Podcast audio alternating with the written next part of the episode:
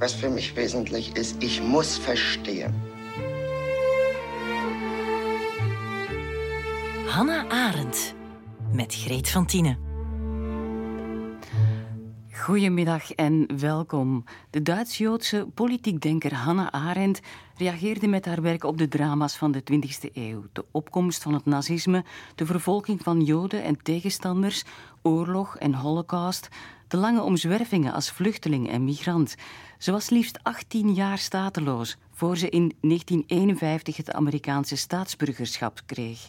En toch, ondanks die duistere tijden, slaagt ze erin boeken en essays te schrijven over die catastrofes. En later over de problemen van de moderne wereld. Rassensegregatie, de dreiging van een nucleaire oorlog of de onderwerping van de mens aan een puur economische logica.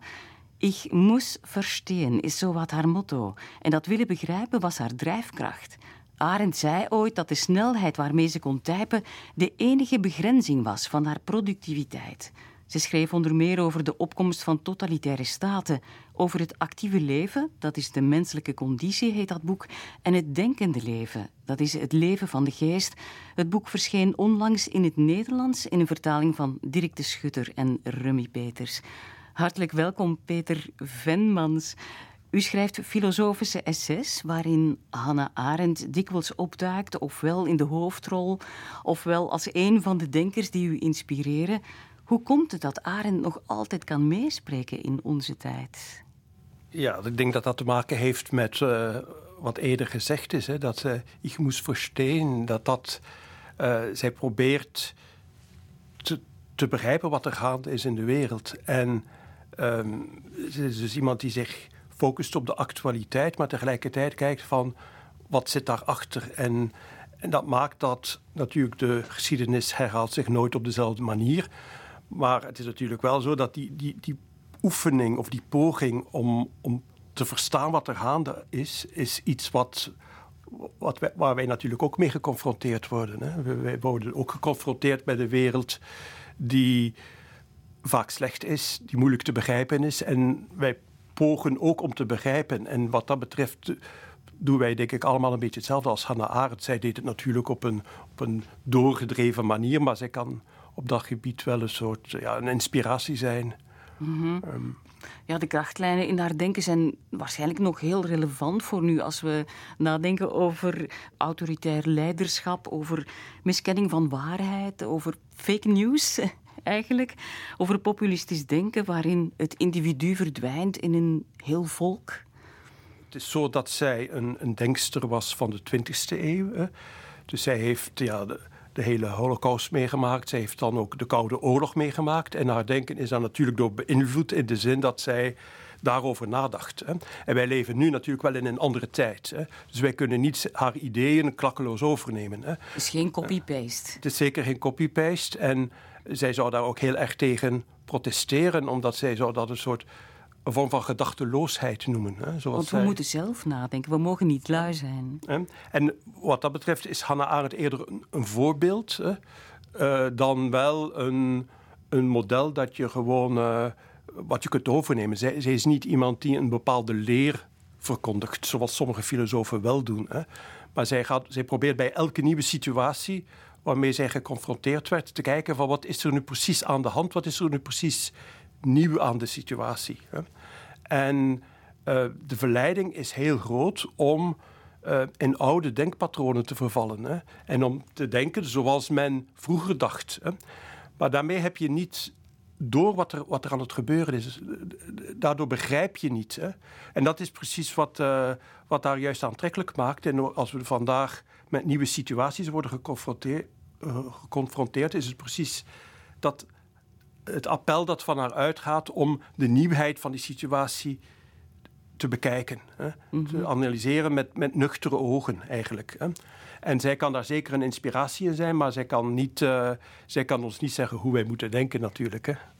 Dus we hebben een heldere blik nodig. We moeten durven zien en durven nadenken, willen nadenken daarover. En durven de afstand nemen die zij ook nam tegenover de dingen. Hè. Uh, Hannah Arendt wordt vaak voorgesteld als een zeer activistische denkster. Maar dat was ze eigenlijk niet. Hè. Ze was wel geëngageerd in haar denken.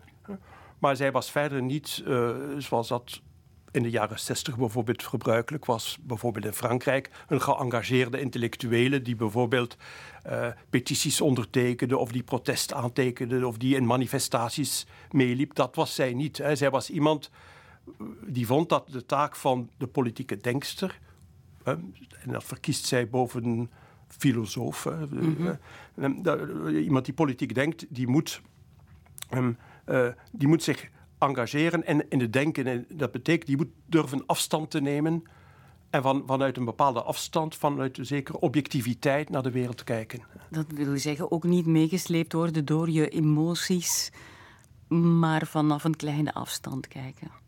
Uh, en, inderdaad, en dat is iets wat haar vaak ook wel verweten is, hè, dat zij een, eigenlijk een zeer koele blik had op de werkelijkheid. Of al dat, zo werd dat ervaren. Hè. En er werd ook gezegd van ja, bijvoorbeeld als het ging over, uh, uh, over de Joodse kwestie, bijvoorbeeld in de tijden van Eichmann, uh, werd, er haar, werd haar verweten dat zij heel liefde had voor haar volk. Voor haar eigen volk bijvoorbeeld. Hè, dat zij zich daar emotioneel niet in engageerde, als het ware. Dus dat is een, een, een, een verwijt dat haar zeker gemaakt is. Maar ik denk dat die zekere koelheid, die zekere afstandelijkheid heel erg belangrijk is om juist in staat te zijn om, om te denken. Hè? Want daar begint het voor haar toch bij. Hè? Dus probeer te begrijpen betekent die afstand nemen en, en probeer de zaken toch nuchter en met heldere ogen te bekijken. Ja, je had het net over liefde voor een volk, waar zij absoluut niet in mee kon, in die denktrand. Want liefde is voor haar iets helemaal anders. Zij heeft het over liefde voor de wereld. Dat zullen we straks proberen een beetje te verklaren wat ze daarmee uh, wil zeggen. Maar als we even teruggaan naar de begintijd in Amerika. Hannah Arendt en haar man Heinrich Blücher waren in 1941 aangekomen na acht jaar uh, vluchteling zijn, migrant zijn. En uh, geïsoleerd van alles wat hen bekend was. Naar het schijnt zagen ze de wereldgebeurtenissen dikwijls nogal zwart in, hoe kan het ook anders, maar bespraken ze de dingen altijd wel met een zekere liefde voor de wereld, een soort blijvende verwondering over de lotgevallen van de mens. En in haar denkdagboek redeneert ze over het feit dat het zo moeilijk is om van de wereld te houden. Maar waarom moeten we dat dan toch doen, Peter Venmans? Als we haar, uh, haar leven bekijken, zij is eigenlijk begonnen als studenten filosofie. Hè? En de basis van de filosofie is de verwondering over de wereld. Hè? Maar zij heeft ook moeten constateren in die jaren, ja, eind jaren 20, begin jaren 30 van de vorige eeuw, heeft zij moeten constateren dat, uh, uh, dat bijvoorbeeld die filosofen die zij zo bewonderde, heel vaak ja, de kant van de nazi's kozen. Mm -hmm. en Heidegger bijvoorbeeld, bijvoorbeeld leermeester. Is, is daar één voorbeeld van. Hè. En uh, geconfronteerd ook met alles wat er in, die, eh, wat, wat er in die jaren dertig is gebeurd, is die, die filosofische verwondering natuurlijk uh, uh, heel lastig. Hè. Hoe kun je verwonderd zijn over de wereld zoals die is? Eigenlijk kun je eigenlijk alleen maar verontwaardigd zijn. Hè. Dus laten we zeggen dat de emotie van de verwondering, als je dat een emotie kunt noemen, heeft plaatsgemaakt bij haar voor ja, ver, verontwaardiging, waar ze niet eens in blijven steken. Hè. En, en tegelijkertijd weet ze wel van, ja, die verontwaardiging, die, die kan niet blijven bestaan. Hè. Je kunt niet... Uh, je kunt niet leven puur op verontwaardiging. Hè. Nee, dat het is, zou je het is belangrijk om zich te verzetten, hè, om nee te zeggen tegen onrecht bijvoorbeeld. Hè. Maar tegelijkertijd moet je ook ja kunnen zeggen. Hè. En de vraag is dan, waarop zeg je ja? En dan moet je, en dan moet je ja zeggen op de wereld zoals die nu eenmaal is, ondanks alles wat, wat er voorgevallen is. Hè. En ja, dus... Ze schrijft ook ergens uh, over die overgang van die filosofische verwondering naar een houding van liefde voor de wereld. Ze schrijft hoe moeilijk dat, dat was. Pas laat, eigenlijk in de laatste jaren, begon ik van de wereld te houden. En uit dankbaarheid wil ik mijn boek de titel Amor Mundi geven.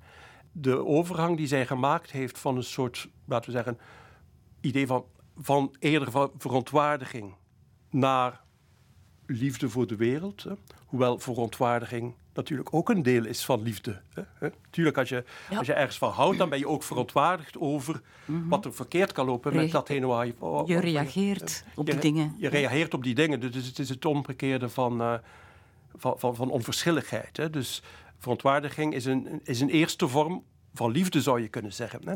Maar bij Hannah Arendt is het toch vooral, ook intellectueel heeft zij in het boek uh, over de origines van het totalitarisme dat zij in 1951 geschreven heeft. Daar heeft ze de these geformuleerd van het, het radicale kwaad. Hè. Eh, ze heeft dat totalitarisme geanalyseerd en haar conclusie was een totalitair systeem is een systeem dat erop gericht is om totale onmenselijkheid te creëren. En dat noemt zij het radicale kwaad in de zin van dat is dus eh, het kwaad dat, dat, uh, dat alles vernietigt en alles mhm. kapot maakt. Hè. En dan is natuurlijk liefde voor de wereld een onmogelijke zaak. Hè. Maar als zij dan later, uh, en dat is niet zo heel veel later, zo'n paar jaar later, in 1958 schrijft ze het boek over de human condition, Vita Activa. Hè. En daar maakt zij al, al een andere analyse. Hè. Daar gaat zij al niet meer uit van het kwaad, het radicale kwaad, maar daar gaat zij ook al kijken van wat is de menselijke conditie, hoe zitten mensen in elkaar? En dan komt zij uit bij begrippen zoals pluraliteit of nataliteit, waar we het waarschijnlijk straks nog over zullen hebben. En daar ziet zij, en komt zij eigenlijk tot de conclusie, en dat is een intellectuele conclusie, dat, um, dat de radicale kwaad eigenlijk nooit echt radicaal kan zijn, in de zin dat het totalitarisme kan er nooit volledig in slagen om de menselijkheid uit te roeien. Hè. En dat mhm. heeft het totalitarisme, is daar ook nooit in geslaagd. Hè. Heeft natuurlijk miljoenen slachtoffers gemaakt, hè. heeft dood en vernieling gezaaid, maar is er niet in geslaagd om de mens uit te roeien en de menselijkheid uit te roeien. Hè. En ik denk dat een, van haar basisinzichten heeft te maken met het feit dat de menselijke conditie, zoals zij dat noemt, gekenmerkt wordt door pluraliteit. En pluraliteit betekent dat we altijd met meerdere mensen dezelfde ruimte bewonen. Dat betekent dat er niet zoiets bestaat als de mensheid, als een soort abstract idee, maar dat zodra er twee, drie, vier mensen samenkomen en samen dingen doen, hè, ontstaat er een wereld. Hè. En daar ontstaat dan eigenlijk de liefde voor de wereld. Hè.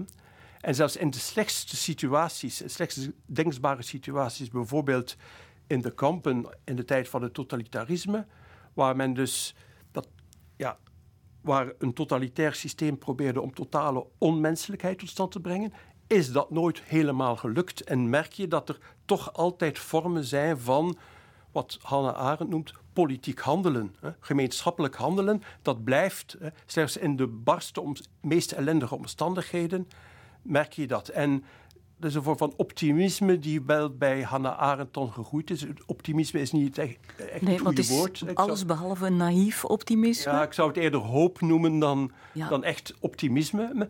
Maar uh, die hoop is wel, of dat, uh, dat vertrouwen in de politieke vermogens van de mens, de mogelijkheid van de mens om als men samenkomt, om als het ware een, een wereld te maken, een wereld tot stand te brengen, dat is bij haar wel gegroeid in de jaren 50, bijvoorbeeld door in Amerika uh, te, wonen en daar geconfronteerd te worden met een zeer actieve politieke cultuur. Het was koude oorlogstijd natuurlijk en je had zeker nog ook in de Amerikaanse maatschappij had je totalitaire tendensen. Hè. Maar het, het, was toch tegelijkertijd een, een, een levende republiek, een, eh, een, een, democratie waar zij heel veel kritiek op had maar waar ze tegelijkertijd heel trots was dat ze staatsburger kon worden, dat ze kon deelnemen aan dat politieke leven. en dat is denk ik de basis van die amor mundi en van het, laten we zeggen, het overwinnen van de gedachte van het, van het radicale kwaad. Zoals zij dat in het begin van de jaren 50 geformuleerd had. Mhm. Maar dus uh, haar, haar basisinzicht was op een bepaald ogenblik van dat, dat, dat totalitarisme gaat zo in tegen de menselijke conditie, hè, dat dat er altijd hoop is. Hè? En op voorwaarde dat wij natuurlijk onze verantwoordelijkheid blijven nemen en dat we, dat we blijven uh, handelen, zoals zij dat noemt. En dat is, eh, zij noemt dat dan altijd politiek handelen. -hmm. Ik hoor het woord verantwoordelijkheid vallen, een heel belangrijk woord bij haar natuurlijk. Wat bedoelt ze daar precies mee? Hoe kunnen we dat begrijpen?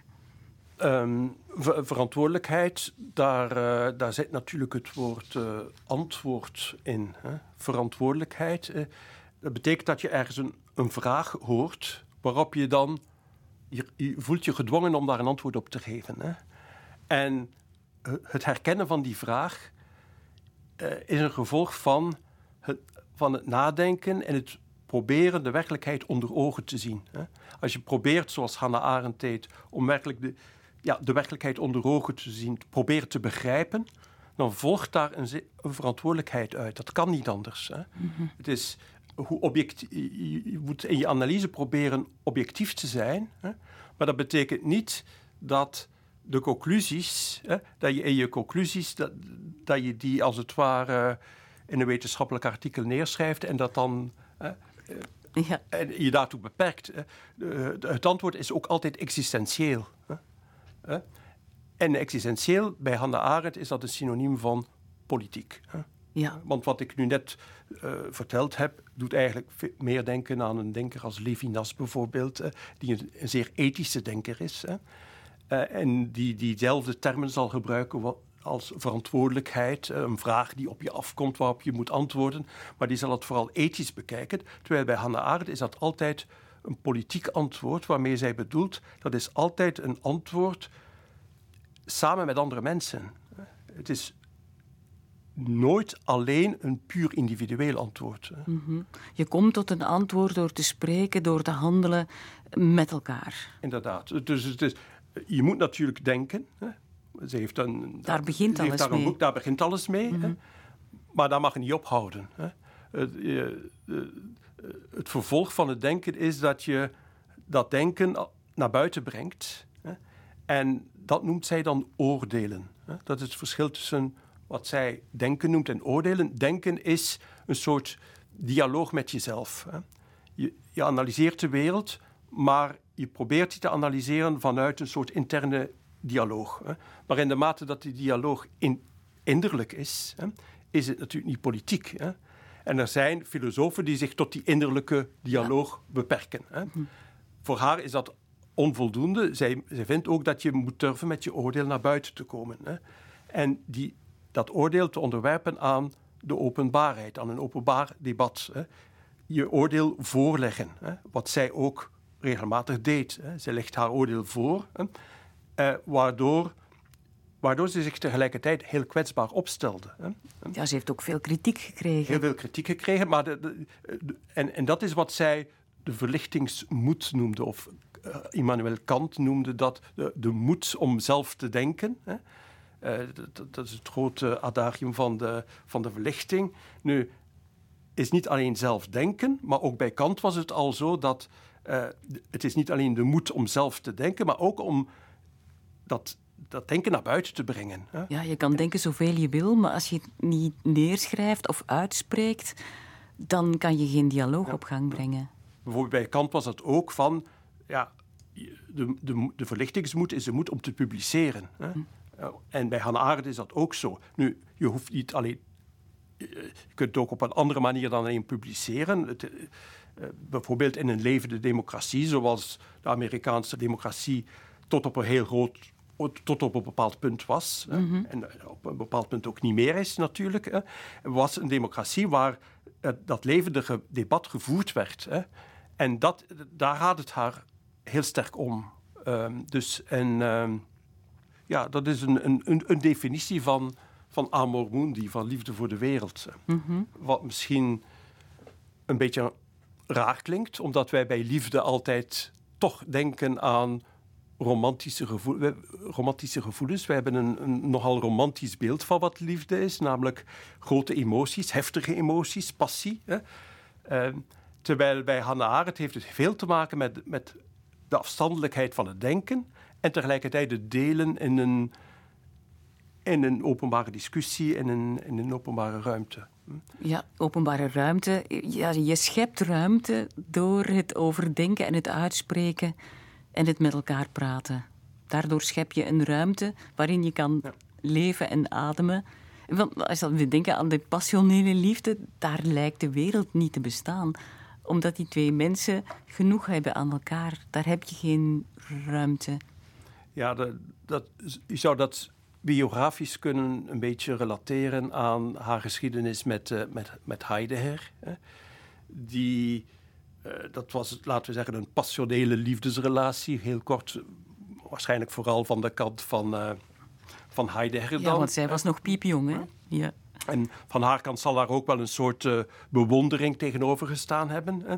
Maar wat Heidegger eigenlijk van haar eiste, was dat die relatie gesloten zou blijven. Hè? Dat zij een grote romantische liefde zouden beleven. In het geheim. Maar los, in het geheim, los van de wereld. Hè? Mm -hmm. En dat is precies het tegenovergestelde van wat zij eigenlijk voorstaat. En als zij dan later is zij dan, ja, ze is getrouwd met uh, Günther Stern uh, en later met Heinrich Blücher, die al vermeld is. En die liefde was een heel ander soort liefde. Dat was een liefde waar de wereld in binnen mocht. Binnen mocht komen. Hè. Het was een. Hè, het, het, het, het, was niet de, de afgeslotenheid uh, en de verhevenheid van de, van de romantische liefde, maar het was een, een wereldse liefde waar je waar ook gediscussieerd werd, waar vrienden ontvangen werden, waar nagedacht werd over de, over de wereld enzovoort. Hè. Mm -hmm. dus, en dat is iets wat, uh, ja, ik denk dat dat vrij essentieel is, is van zij verwijt bijvoorbeeld Heidegger en zijn hele denken ook een vorm van solipsisme, waarmee ik dan bedoel het, het opgesloten zijn in, in zichzelf en in een, in, in een eigen denksysteem. Hè. Mm -hmm. En dat is precies wat voor haar niet mag, omdat liefde veronderstelt voor haar juist die, die openheid hè, op het onverwachte, op het nieuwe, op datgene wat je nog niet bezit. En met name dus als de, de, de wereld is ook datgene wat op je afkomt. Hè? En waar je op een of andere manier moet mee, hè? Uh, moet mee omgaan. Hè?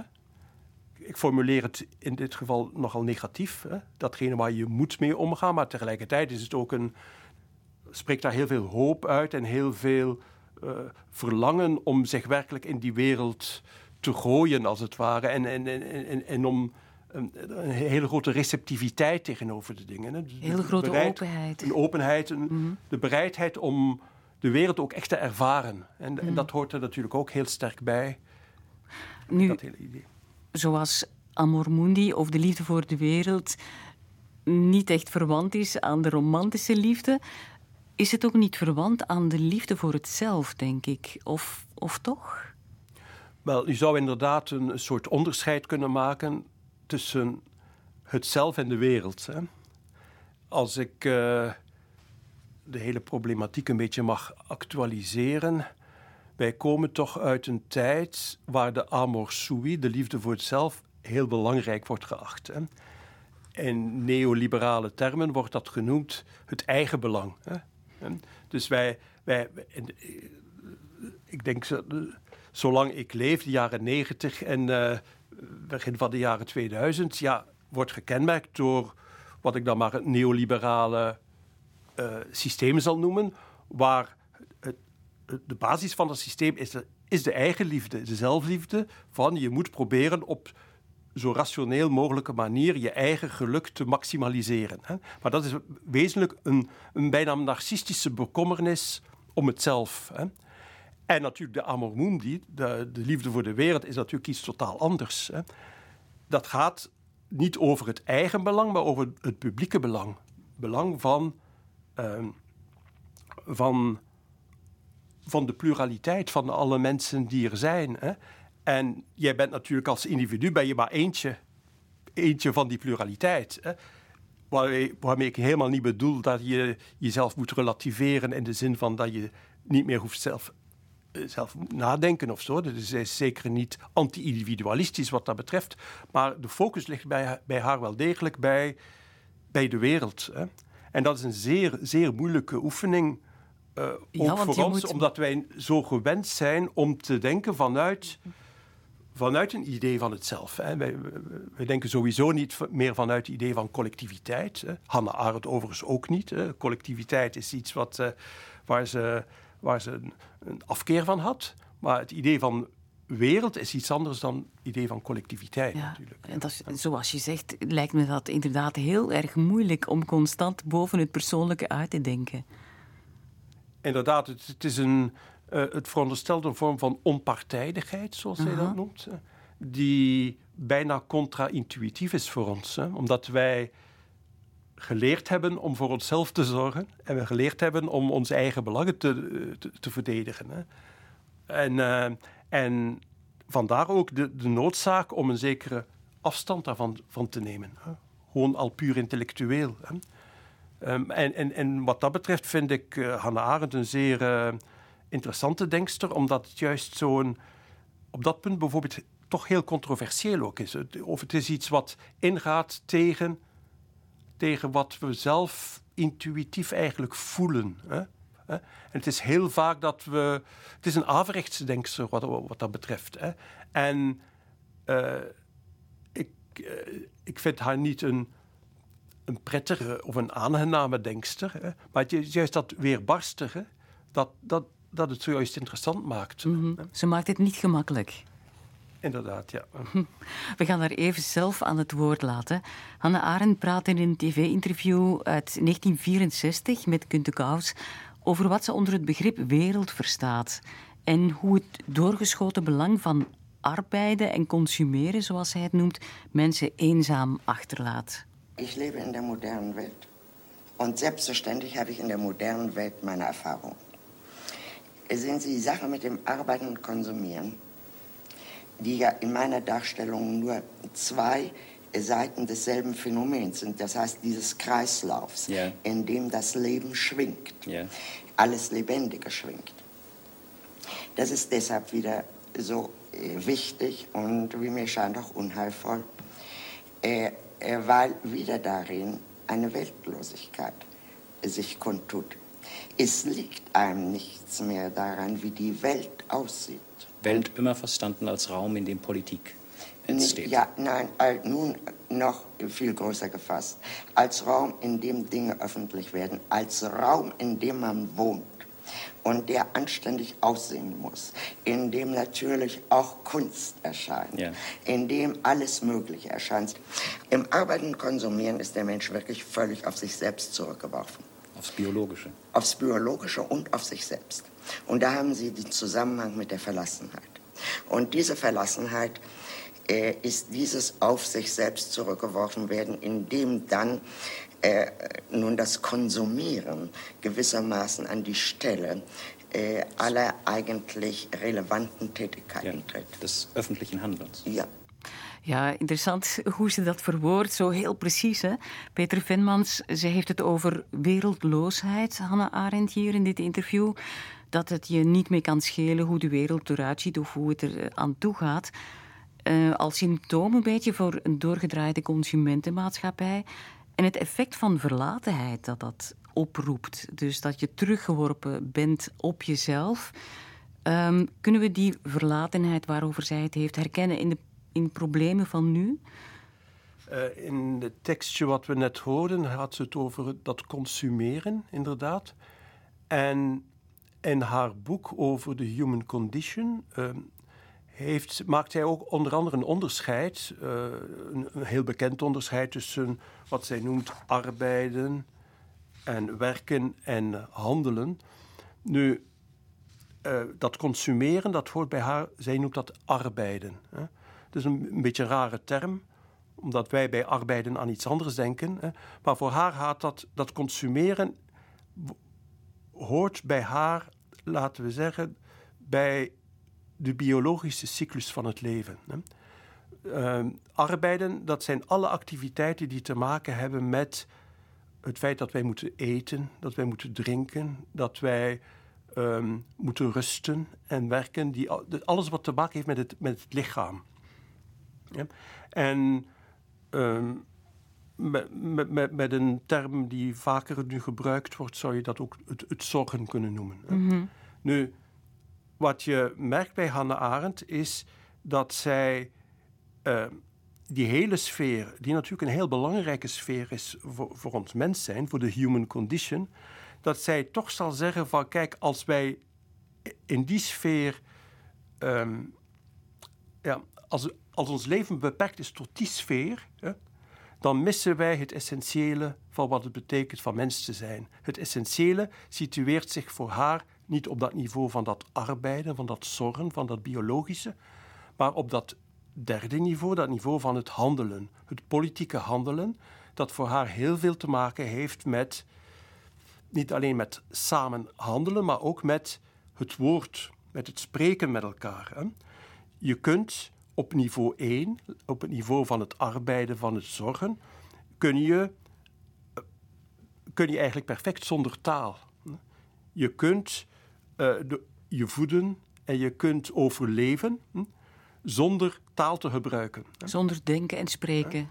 Zonder denken en spreken en zonder, zelfs uiteindelijk zelfs zonder, um, um, zonder veel samen te doen met andere mensen. In principe uh, is, dat, is dat nauwelijks nodig. Nu, ik, ik maak er natuurlijk wel een beetje een karikatuur van, maar haar punt is dat uh, het politieke handelen, hè, dat is voor haar wezenlijk voor een, een vol, laten we zeggen, een volwaardig menselijk leven. Hè. Mm -hmm. En dat is iets wat dreigt verloren te gaan in bijvoorbeeld in een consumptiemaatschappij waar men alleen nog maar consumeert. Hè.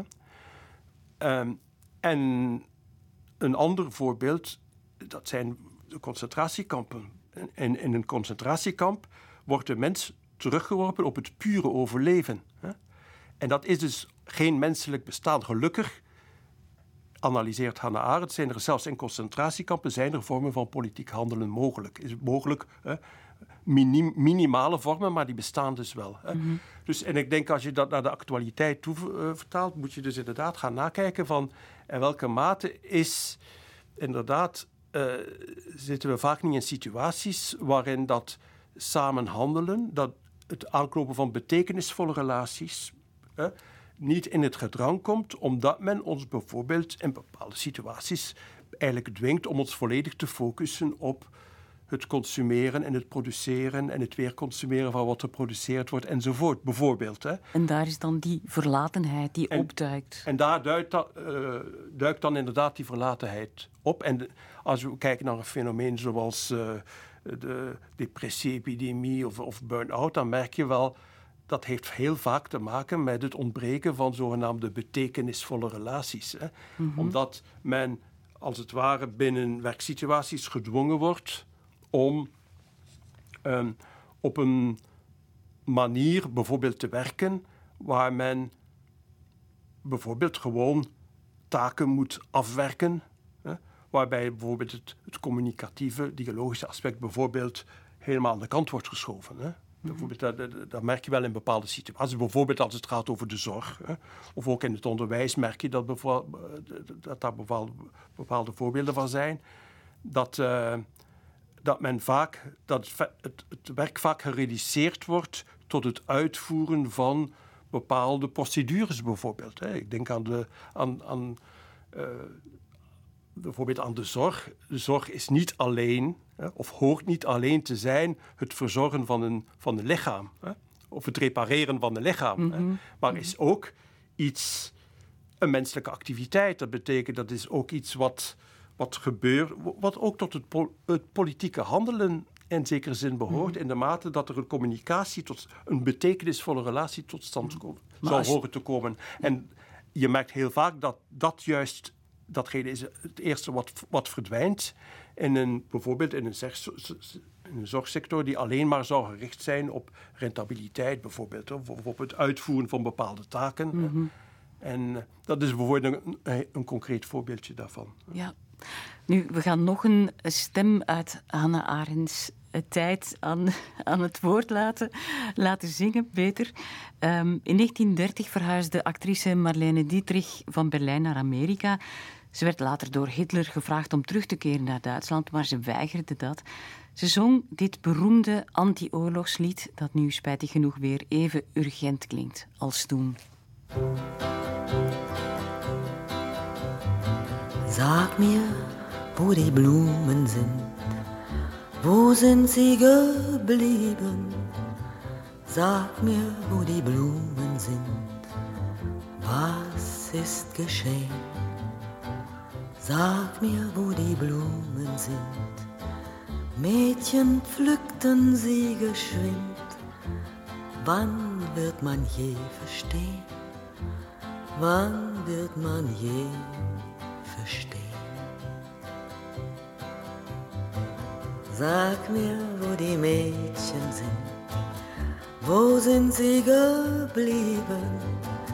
Sag mir, wo die Mädchen sind, was ist geschehen? Sag mir, wo die Mädchen sind, Männer nahmen sie geschwind.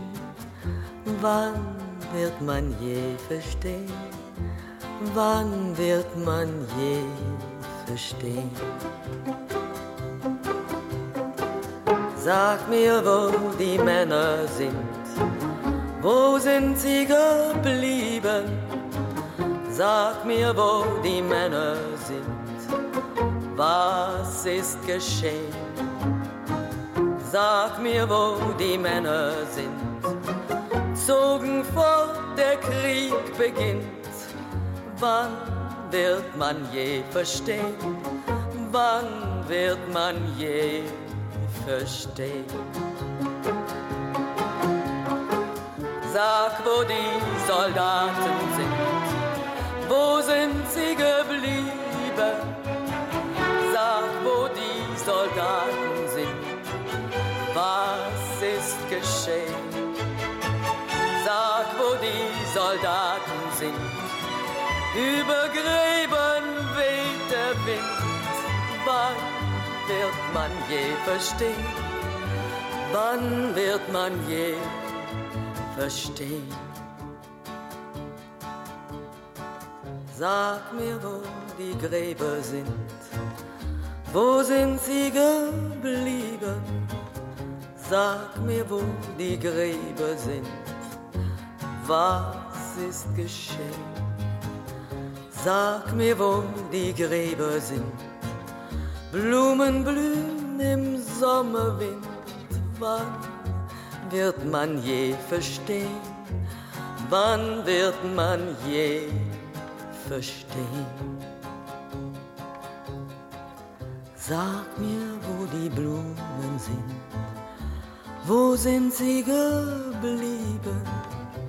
Sag mir, wo die Blumen sind. Was ist geschehen? Sag mir, wo die Blumen sind. Mädchen pflückten sie geschwind. Wann wird man je verstehen? Wann wird man je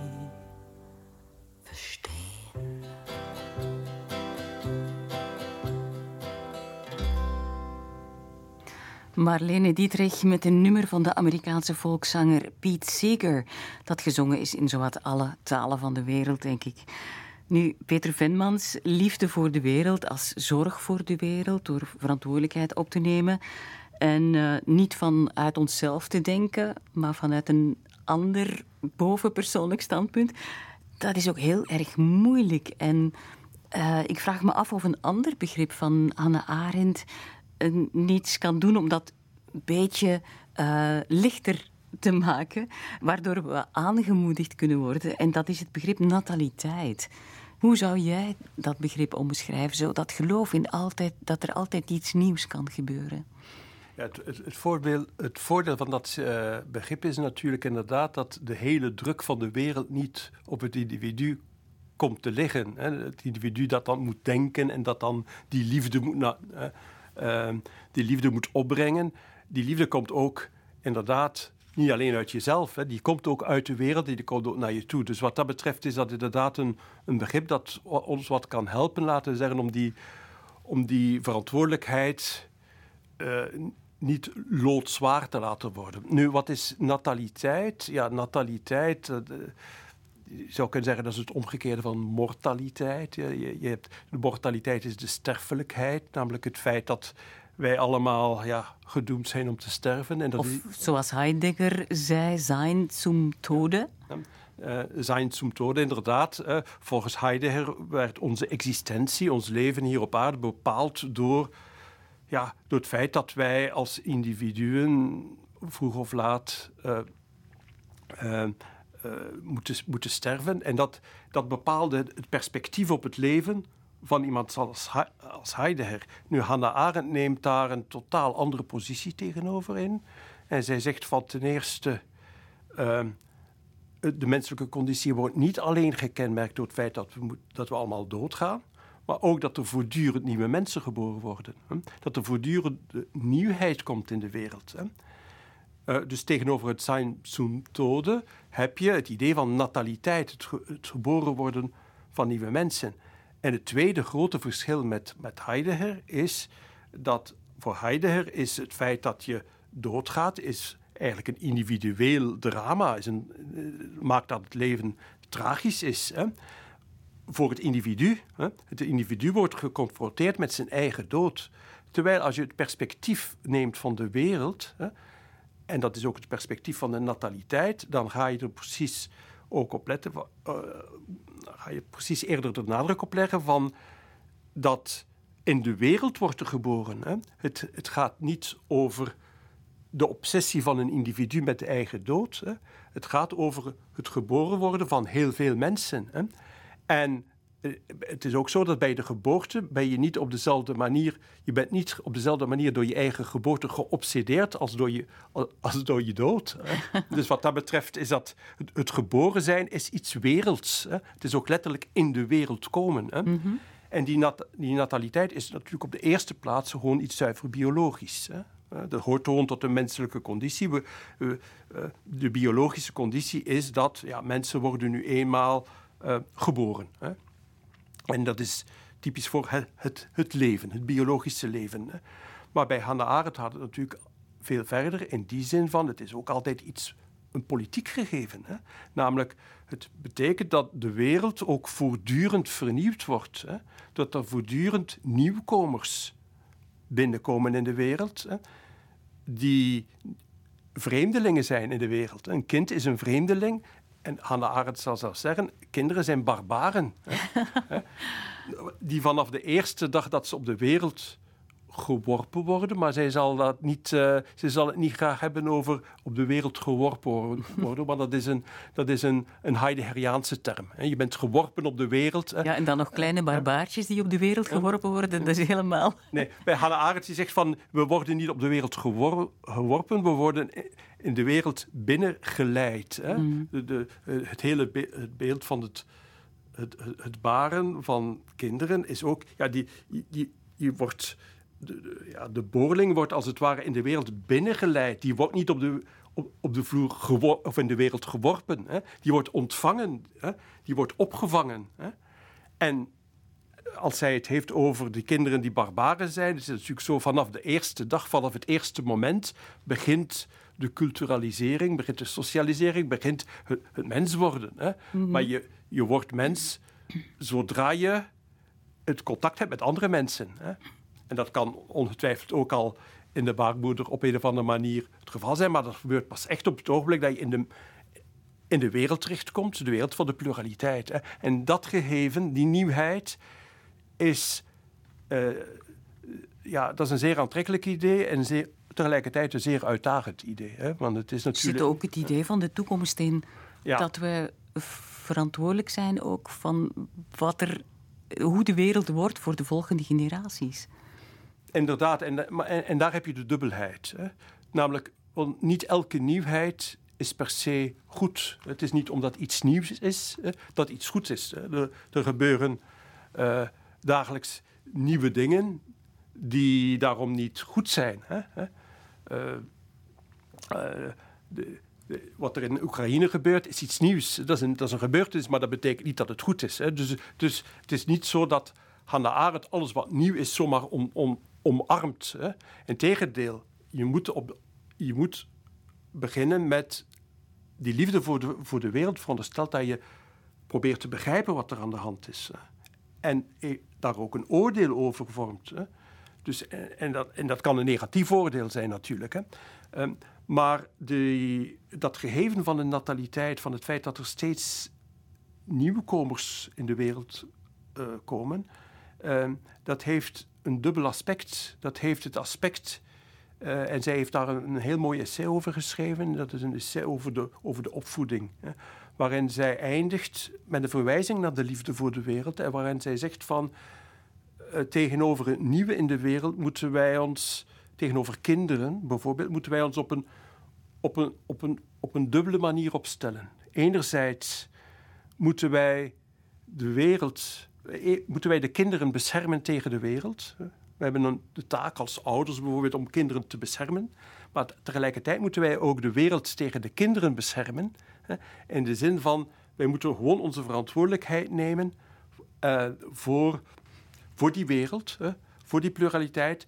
En dat betekent dat wij dat nieuwe op een of andere manier moeten verwelkomen, maar tegelijkertijd ook opnemen in onze wereld. Hè.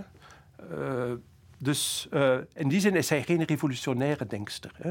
Een revolutionair zal denken van we moeten de bestaande wereld omverwerpen hè, en we moeten een nieuwe wereld met een nieuwe mens voor in de plaats stellen. Voilà. En, dat is, en, en, dat is helemaal niet haar manier van denken. Integendeel, hè, zij zal ook, in die zin zal zij voor een deel ook een beetje eerlijk conservatief zelf zijn. Hè, dat hij zegt van kijk, de wereld, de belangen die er op dit ogenblik in de wereld spelen, hè, ook die moeten gediend worden. Hè. Mm -hmm. uh, en wat zijn de belangen van de, van de pluraliteit, hè, waar de nieuwkomers toe behoren, maar zij zijn ook niet de enigen hè, die tot de wereld behoren. Hè. Mooi. Dankjewel, Peter Venmans. Nu, binnenkort verschijnt er een nieuw boek van u over gastvrijheid. Het heet Gastvrijheid. Bij Atlas Contact is dat. Eh, doet Arendt hier ook weer in mee? Um, er is inderdaad wel een hoofdstukje waarin ik het dan heb over de manier waarop zij um, als uh, vluchtelingen um, in, uh, in Amerika terechtkomt. En waar zij natuurlijk de, ja, de, daar geniet zij het statuut van, van de gast. Zij is te gast in, in een vreemd land. wat voor haar een hele paradoxale situatie is. Want uh, ergens te gast zijn betekent. Uh, dat is niet altijd een benijdenswaardig perspectief. Hè? Als gast betekent dat je. Ja, je, je, bent, je bent niet soeverein als gast. Je, je, zit in een gastvrijheidsrelatie. En daar gaat mijn boek zo'n beetje over. Van wat betekent het om in gastvrijheidsrelaties te zitten, voortdurend. Hè? In ons hele mhm. leven uh, maken wij dat mee. Wij, wij, wij zijn zelden of nooit totaal soeverein. Wij zitten voortdurend in relaties met andere mensen. En dat zijn altijd relaties waar we ofwel gast zijn, ofwel gastheer of gastvrouw zijn. En uh, daar komt zij zeker uh, nog even aan bod in dat uh, boek van mij. Bedankt, Peter. Morgen verkennen we het belang van verhalen vertellen bij Hannah Arendt. Verhalen over jezelf en anderen en over de wereld. Herbeluisteren kan via clara.be, de Clara-app of als podcast. Nog veel luisterplezier bij Clara.